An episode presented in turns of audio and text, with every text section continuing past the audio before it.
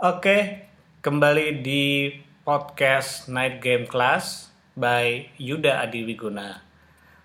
Sebelumnya gue ngucapin selamat tahun baru 2020. Semoga di tahun 2020 ini apa yang kita cita-citain, apa yang kita kepengenin nih semuanya dari yang udah ngedengerin podcast gue bisa tercapai ya. Dan ini adalah podcast pertama gue di tahun 2020. Setelah sebelumnya gue memulai podcast ini di bulan Desember 2019. Seperti yang udah kalian lihat ya di Instagram gue, mungkin kalian juga sudah hafal judul-judul podcast yang akan gue keluarin Podcast ini akan ngebahas tentang body language saat night game. Nah, podcast yang ini mungkin menurut gue adalah podcast yang teknikal banget ya. Setelah sebelumnya mungkin lebih ringan, tapi podcast yang ini isi materinya lebih teknis jadi gua mohon maaf karena nggak bisa mencontohkan ya. Karena memang materi ini sebenarnya adalah materi yang gua bahas di night game course gue atau night game workshop gue jadi gue bahas di dalam kelas di mana kalian bisa melihat interaksi gue ketika membawakan materi ini. Jadi apa yang gue jelasin di materi body language ini seharusnya adalah gue praktekin di depan kalian semua. Materi ini pernah gue bawain di night game class workshop gue waktu itu di Kemang dengan jumlah peserta lima orang dan ketika membawakan ini memang lebih banyak kita berinteraksi secara uh, apa ya timbal balik ya. Jadi secara dua arah. Jadi gua ngajak mereka untuk maju ke depan. Salah satu dari mereka untuk mencontoh untuk mencontoh gimana apa yang gua contohin. Jadi uh, gua akan berusaha se sebisanya ya untuk menjelasin materi tentang body language saat night game ini dengan bahasa yang semudah-mudahnya. Semoga kalian bisa paham, bisa ngerti. Dan kalaupun kalian tidak mengerti atau tidak paham, kalian bisa DM, bisa message ke Instagram gua at DJ Haji Indonesia. Oke, sekarang kita masuk ke materinya.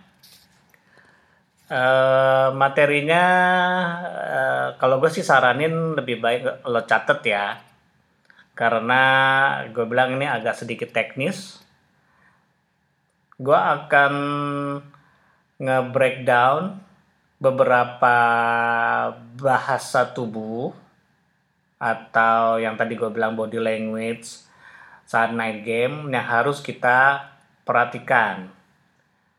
Oke, yang pertama adalah senyum.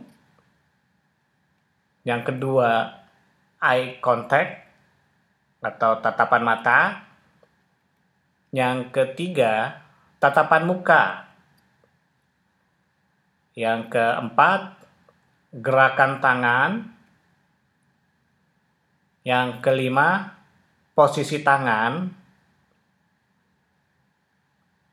Dan yang keenam adalah posisi kaki. Sudah dicatat? Oke, gue yakin kalian udah mencatat dalam pikiran dan dalam hati masing-masing kita langsung bahas ya ke poin pertama yaitu senyum. Tentunya ketika kalian hadir di dunia malam, intinya adalah dunia malam itu adalah dunia yang senang-senang, bukan dunia yang serius. Apalagi kalian bukan seorang pelaku dunia malam. Kalian adalah penikmat dunia malam. Jadi harus dibedain. Bukan pelaku, tapi kalian adalah hanya penikmat. Kalian pengen menikmati malam ini dengan cara yang kalian suka dan tentunya kalian berharap bisa mendapatkan imbalannya. Dalam artian ya mungkin bisa kenalan lah dengan cewek ya siapa tahu. Dan dengan mempelajari ini tentunya kalian akan tahu tuh bagaimana caranya berkenalan dengan cewek. Oke yang pertama itu senyuman. Jadi artinya adalah ketika kalian hadir di dunia malam misalnya kalian hadir ke pertemuan yang sudah di arrange misalnya kayak ayo kita ke karaoke bareng sama teman-teman kalian. Nah, gak mungkin dong kalian datang ke karaoke terus ketika kalian datang ternyata muka kalian kusut, muka kalian suram, muka kalian tidak bergairah untuk keluar, kayak kepaksa. Kalau kalian melakukan itu, berarti kalian membunuh suasana yang dibangun oleh teman-teman kalian. You kill the vibe. Walaupun kalian tidak perlu senyum kepada setiap orang, tapi artinya adalah ini ada idiom senyum itu tidak harus di mulut. Tapi senyum itu bisa dari hati. Nah, senyuman yang dari hati ibaratnya kita memang lagi senang maka akan meng mengakibatkan tubuh kita menjadi uh, terkontaminasi semuanya. Kayak ya mungkin gampangnya gini ya. Kalau misalnya lo lagi jatuh cinta gitu ya. Lo lagi jatuh cinta perasaannya kan berbunga-bunga.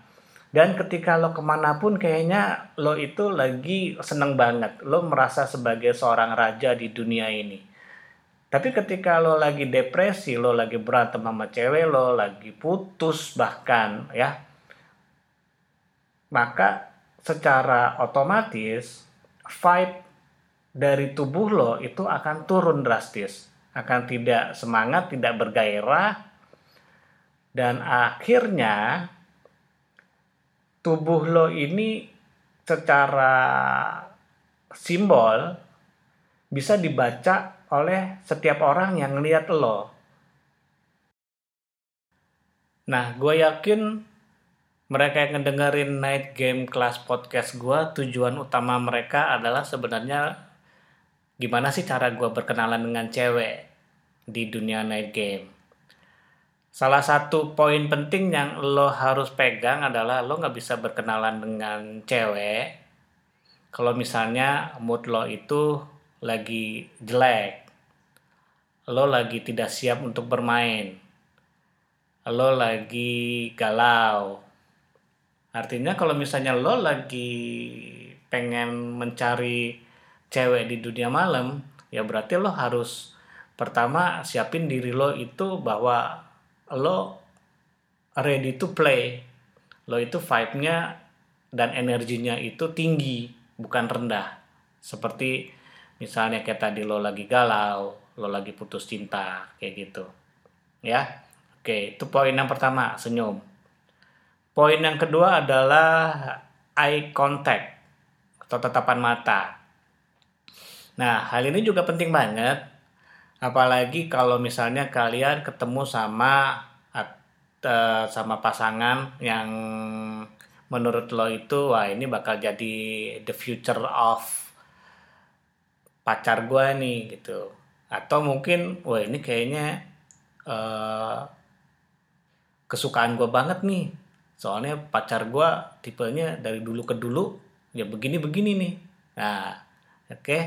nah eye contact itu perlu banget. Dan hal ini juga menjadi uh, hal yang sering dilupakan oleh banyak orang. Khususnya bagi mereka yang hadir ke dunia night game Kenapa? Karena yang pertama pastinya karena night game kan malam ya. Nggak mungkin lah kalau misalnya kita ngelihat orang atau ngelihat pasangan yang kita lagi incer gitu atau target yang lagi kita mau deketin dia nggak akan ngeliat gitu. Tanpa sadar biasanya uh, ini banyak kejadian nih kalau misalnya kita lagi uh, niatin cewek gitu ya mungkin jaraknya nggak terlalu jauh tapi juga nggak terlalu deket gitu. Tapi terus tiba-tiba si cewek ini balik ngelihat kita nih pas banget ngelihatnya mata ketemu mata. Nah apa sih respon yang biasa kita alamin waktu itu oke. Ada dua nih responnya. Respon yang pertama adalah lo ngelihat ke samping ngebuang ke samping atau lo ngebuang ke bawah. Mata lo ngeliat ke bawah ada dua res ada dua respon tuh. Karena itu gue juga alami juga awal-awal ketika gue lagi belum tahu uh, skillnya ini mungkin kalian uh, bisa setuju bisa tidak setuju ya. Ini kan namanya pengalaman gue pribadi. Jadi ketika kita lagi ngeliatin cewek tiba-tiba si cewek itu ngeliat balik ke kita tiba-tiba res uh, apa ya respon kita yang natural yang sudah terprogram sejak lama adalah kita ngeliat ke samping entah ke samping kiri ke samping kanan atau kita bisa ngeliat ke bawah atau bahkan kalau misalnya kita lagi pegang HP ya udah kita balik ngeliat ke HP itu padahal mungkin di situlah adalah di situ winning point lo ya kalau misalnya lo di dunia malam tiba-tiba ketika lo ngelihat seorang target dan target itu ternyata ngelihat lo ya udah lo lihat aja lo nggak perlu menghindar ibaratnya. Lo lihat dan lo senyumin. Dengan senyum yang biasa aja bukan senyum yang nyinyir ya. Bukan senyum yang uh, ibaratnya juga nakutin gitu. Pokoknya senyum santai aja. Kayak ibaratnya uh, gimana sih? Kayak senyum simple yang uh, dalam hati itu uh, pikir berbicaranya gini halo gue suka lo nih udah gitu aja. Di dalam hati ini. Jadi kita senyumnya pasti akan uh, relax gitu. Dan ini pernah gue alamin uh, personal experience nih ya gue akan cerita. Waktu itu gue di klub imigran ya di daerah Bundaran HI Tamrin itu saat itu mungkin kalian yang tahu lah ya klub imigran ini. Jadi DJ bootnya di pojok dan di situ di depan di Jebut itu pokoknya ini uh, landscape dari klubnya itu uh, di depan di Jebut itu ada bar ya. Dan pokoknya itu letter L. Jadi kalau kita masuk dari uh, pintu masuknya nih kita ketemu di Jebut kemudian kita mentok tuh belok kanan berarti lurus lagi ke sana. Jadi letter letter L nah ketika itu gue juga lagi awal-awalnya nih lagi awal-awalnya mencoba menerapkan gimana nemuin rumus night game gue lagi jalan gitu terus tiba-tiba uh, ketika udah sampai ke DJ booth karena DJ boothnya itu uh, mentok dan gue lihat ada jalan ke sisi sebelah sana yang letter L itu dan ternyata nggak jauh dari di Jebut itu ada cewek. Dan tanpa gua sadarin ternyata ketika gua melihat ke sisi sebelah kanan gua dan gua melihat ada cewek sepersekian second mata gua itu ketemu sama matanya dia. Dia seperti juga lagi ibaratnya apa ya dia lagi istirahat dari bincang-bincang sama cowoknya terus dia istirahat terus uh, matanya gitu lagi mencari-cari uh, pemandangan gitu ya. Tiba-tiba matanya ketemu mata gua. Terus refleks gue di situ gue nggak ngerti gimana tapi akhirnya refleks gue adalah gue senyum senyum biasa dan sambil mengangguk. Jadi kayak apa ya kayak bukan mengganggu uh, annoying ya tapi mengganggu kayak ibaratnya halo mbak kayak gitu. Jadi ya halo sis gitu ya. Kayak mengangguk ya apa sih ya kayak SPG kali ya dibilangnya. Tapi di situ akhirnya gue menemukan sendiri tuh bagaimana respon natural yang harus kita kuasain dan harus kita lakukan berkali-kali ketika kita menemukan momen di mana mata kita ketemu sama mata dari target yang kita lagi apa ya kita lagi incer ya ibaratnya. Itu dia jadi responnya. Dan respon ini nggak mudah harus diulang berkali-kali gitu. Beda ya respon di dunia malam sama respon di dunia siang ketika mata lo ketemu dengan mata bos lo di dunia siang kan biasanya mata lo langsung buang tuh. Langsung buang ke kiri langsung buang ke kanan karena lo takut memandang mata bos lo dan ketika lo mandang mata bos lo nanti dibilangnya apa lo? Lihat-lihat gue. Lo nggak suka sama masukan gue atau lo nantangin gue gitu kan? Nah kalau di dunia malam nggak begitu.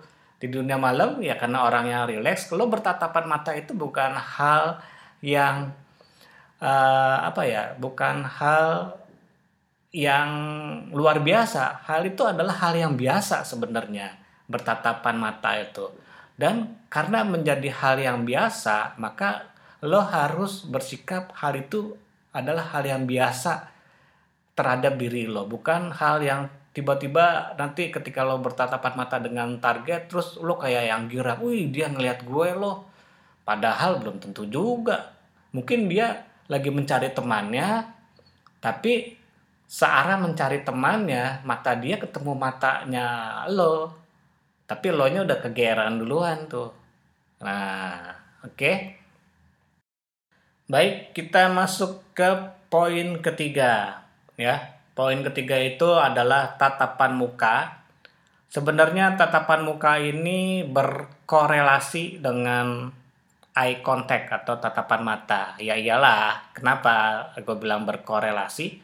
Karena ketika kita menatap mata dari sang target pastikan muka kita kan juga kelihatan oleh sang target ya. Jadi uh, mulut kita entah kita senyum apa enggak alis kita bergerak atau tidak bergeraknya gimana hidung kita juga ya mungkin tidak apa ya uh, mungkin ada gerakan yang tidak sadar mungkin ketika kita melihat ternyata terus kemudian tangan kita sembari uh, ngupil mungkin.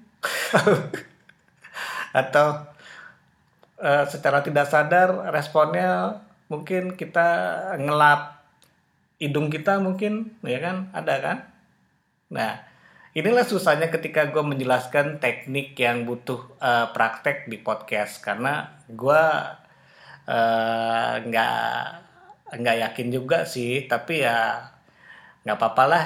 Kalau misalnya kalian nggak ngerti kalian bisa DM lah ke gue di Instagram gue ya jadi intinya adalah ketika lo eye contact sebenarnya muka lo itu bersinergi dengan uh, uh, dengan semuanya ada di muka entah dari mulutnya entah dari hidungnya entah dari alisnya. Katakanlah kalau misalnya kalian memandang target kalian dengan tatapan yang playful pasti semuanya akan dalam satu vibe atau mood yang memang playful dari muka lo itu. Nggak mungkin dan kalau nggak mungkin kalau misalnya lo uh, menatap matanya itu playful tapi ternyata uh, vibe dari mukanya adalah muka sedih muka galau gitu kan nggak mungkin.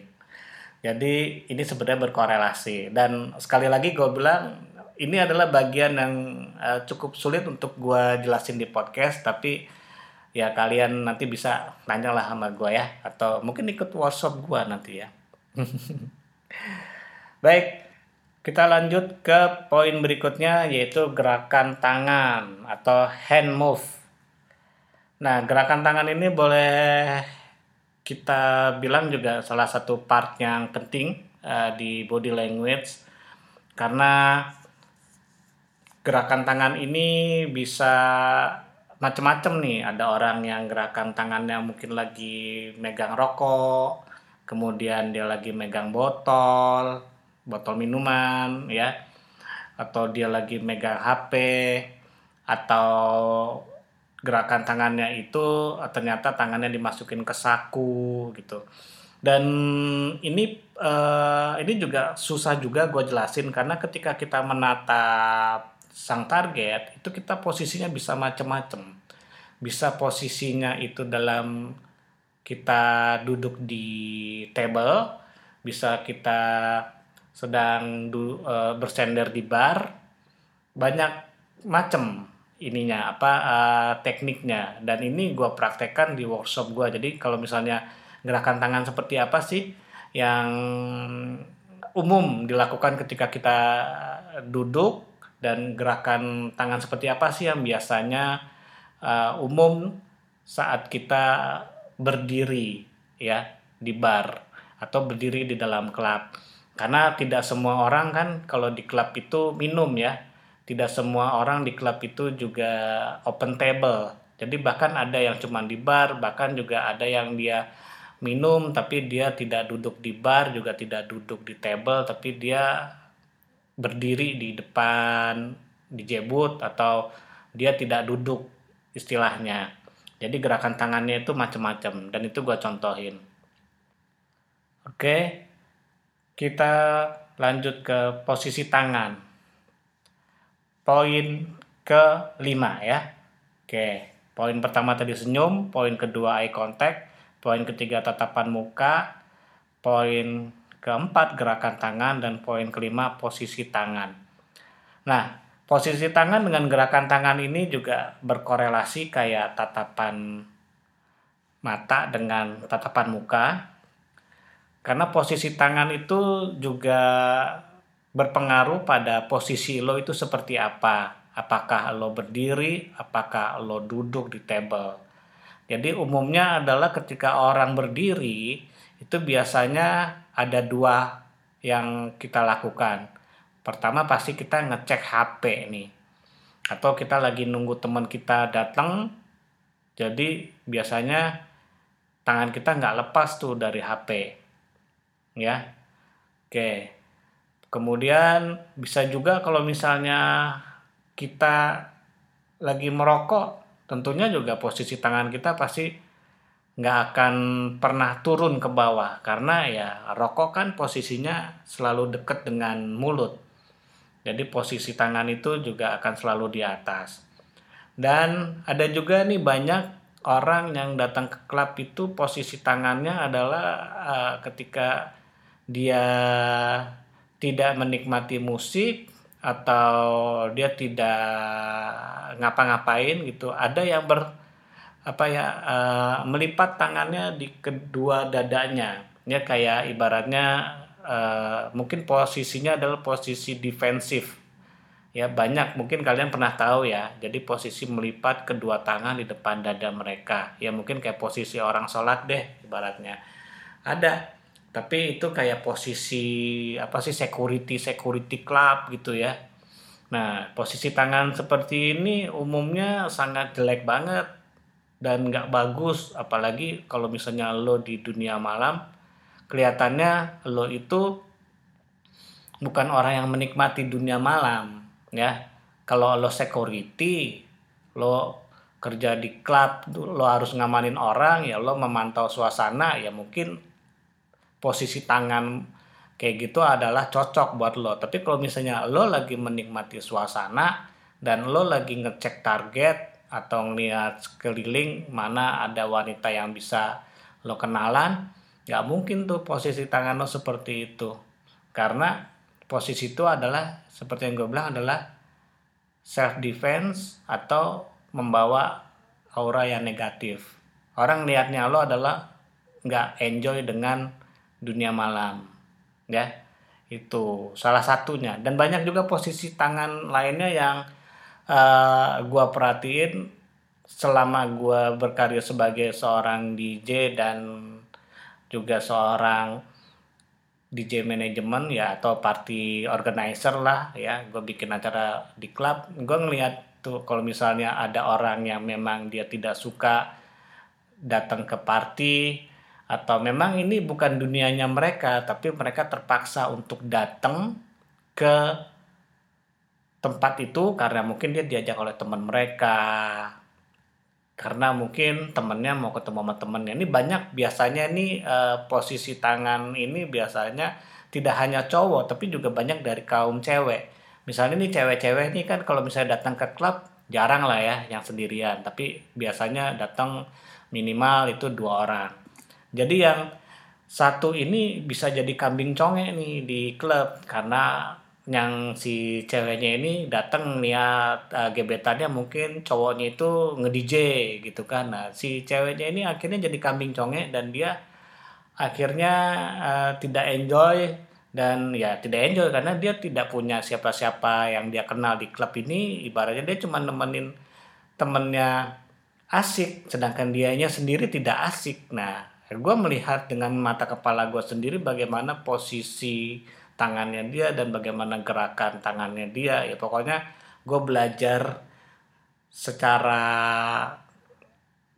apa ya belajar banyak lah di sini. Jadi gue bisa sekilas bisa ngeliat nih oh nih orang nggak nggak enjoy nih di party gue nih. Itu gue bisa ketemu karena gue bisa baca hal itu dari mereka.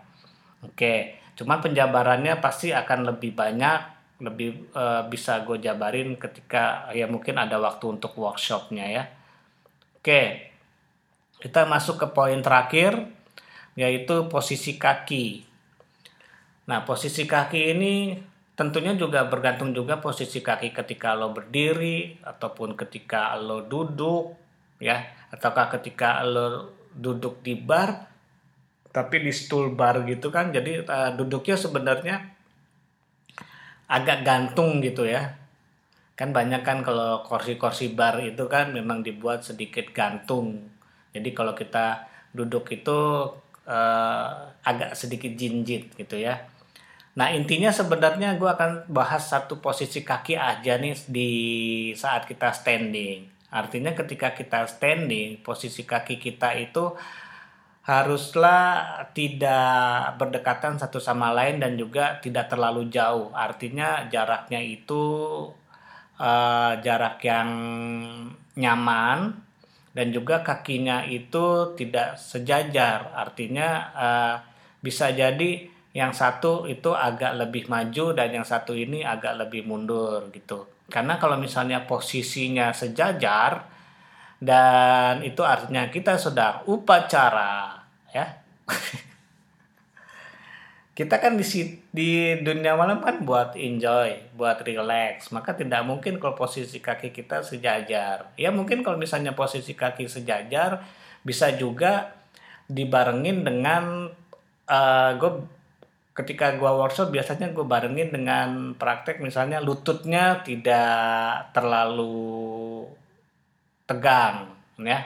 Jadi lututnya agak sedikit loose agak sedikit relax dan ini dipraktekkan. Dan yang paling penting adalah kalau misalnya posisi kaki lo saat berdiri ya artinya lo bukan posisi lagi upacara lagi dijemur gitu lagi dihukum. Jadi posisi kaki lo berdiri itu ya santai aja. Kadang-kadang kita suka membebankan berat badan itu ke satu porsi kaki ya kan? Entah porsi kaki di kiri entah porsi kaki di kanan. Dan posisi kaki ini sangat berhubungan dengan posisi lo juga lagi ngapain. Misalnya lo lagi tadi lagi ber uh, apa lagi melipat tangan lo di dada ya kan? Tentu posisi kakinya juga beda. Nah posisi kaki lo lagi ngerokok tentunya juga pasti berbeda. Posisi kaki lo lagi uh, mainin HP ya lagi ngecek HP tentunya lagi tentunya juga pasti berbeda. Dan ini yang gue cerita ada yang tadi adalah posisi kakinya lagi berdiri ya bukan lagi duduk gitu. Kalau lagi duduk pastinya akan lebih beda lagi dan akan sulit dijelaskan lewat podcast dan memang harus dipraktekkan. Dan ketika gue praktekin juga uh, eh, gue praktekin secara duduk seperti apa posisi kakinya posisi tangannya gerakan tangannya. Entah kita lagi main HP lagi ngerokok atau apa itu semuanya gue praktekin. Jadi uh, itu adalah hal-hal yang lo harus perhatikan ya untuk body language saat lo night game. Ya, ada senyuman, ada eye contact, ada tatapan muka, ada gerakan tangan dan posisi tangan dan yang terakhir adalah posisi kaki. Nah, sebelum gua tutup podcast ini gua akan share satu lagi mungkin tentang apa yang bisa bikin lo lebih rileks saat di klub ya yang akan bisa ngebantu lo uh, merelaksasi dari body language lo. Yang pertama yaitu lo makan permen karet, ya kan? Itu bisa kayak pelatih bola kan, pelatih bola kalau stres, kalau lagi tegang gitu, timnya ketinggalan, timnya belum bisa bikin gol, biasanya suka makan permen karet. Siapa sih pelatih yang sering makan permen karet? Ya salah satu contohnya ya Sir Alex Ferguson ya pelatih MU dulu ya. Kita lihat dia sering makan permen karet kan. Nah, permen karet itu bisa nge-relief stress lo ya atau bisa membuat diri lo itu jadi lebih santai. Ya ketika mungkin lo lagi nungguin temen lo dan lo itu orang yang tidak merokok dan juga tidak minum minuman yang bir atau alkohol dan lo lo, lo udah pesan minuman nih tapi kan lo nggak mungkin dalam setiap apa nafas lo minum ya kan tentunya lo kan juga pengen jajan sekali bisa sampai pagi gitu kan Oke, ya tentunya permen karet salah satu metodenya, salah satu alat bantu yang bakal bisa uh, ngebantu lo menjadi lebih rileks dan lebih mengulur-ngulur waktu lah ya permen karet itu. Kemudian ya selain lo udah jajan ya kan lo bisa jajan minuman uh, alkohol atau non alkohol yaitu tergantung dari keputusan lo seperti apa itu juga bisa ngebikin lo jadi lebih rileks ya. Atau bahkan lo mungkin jajan makanan.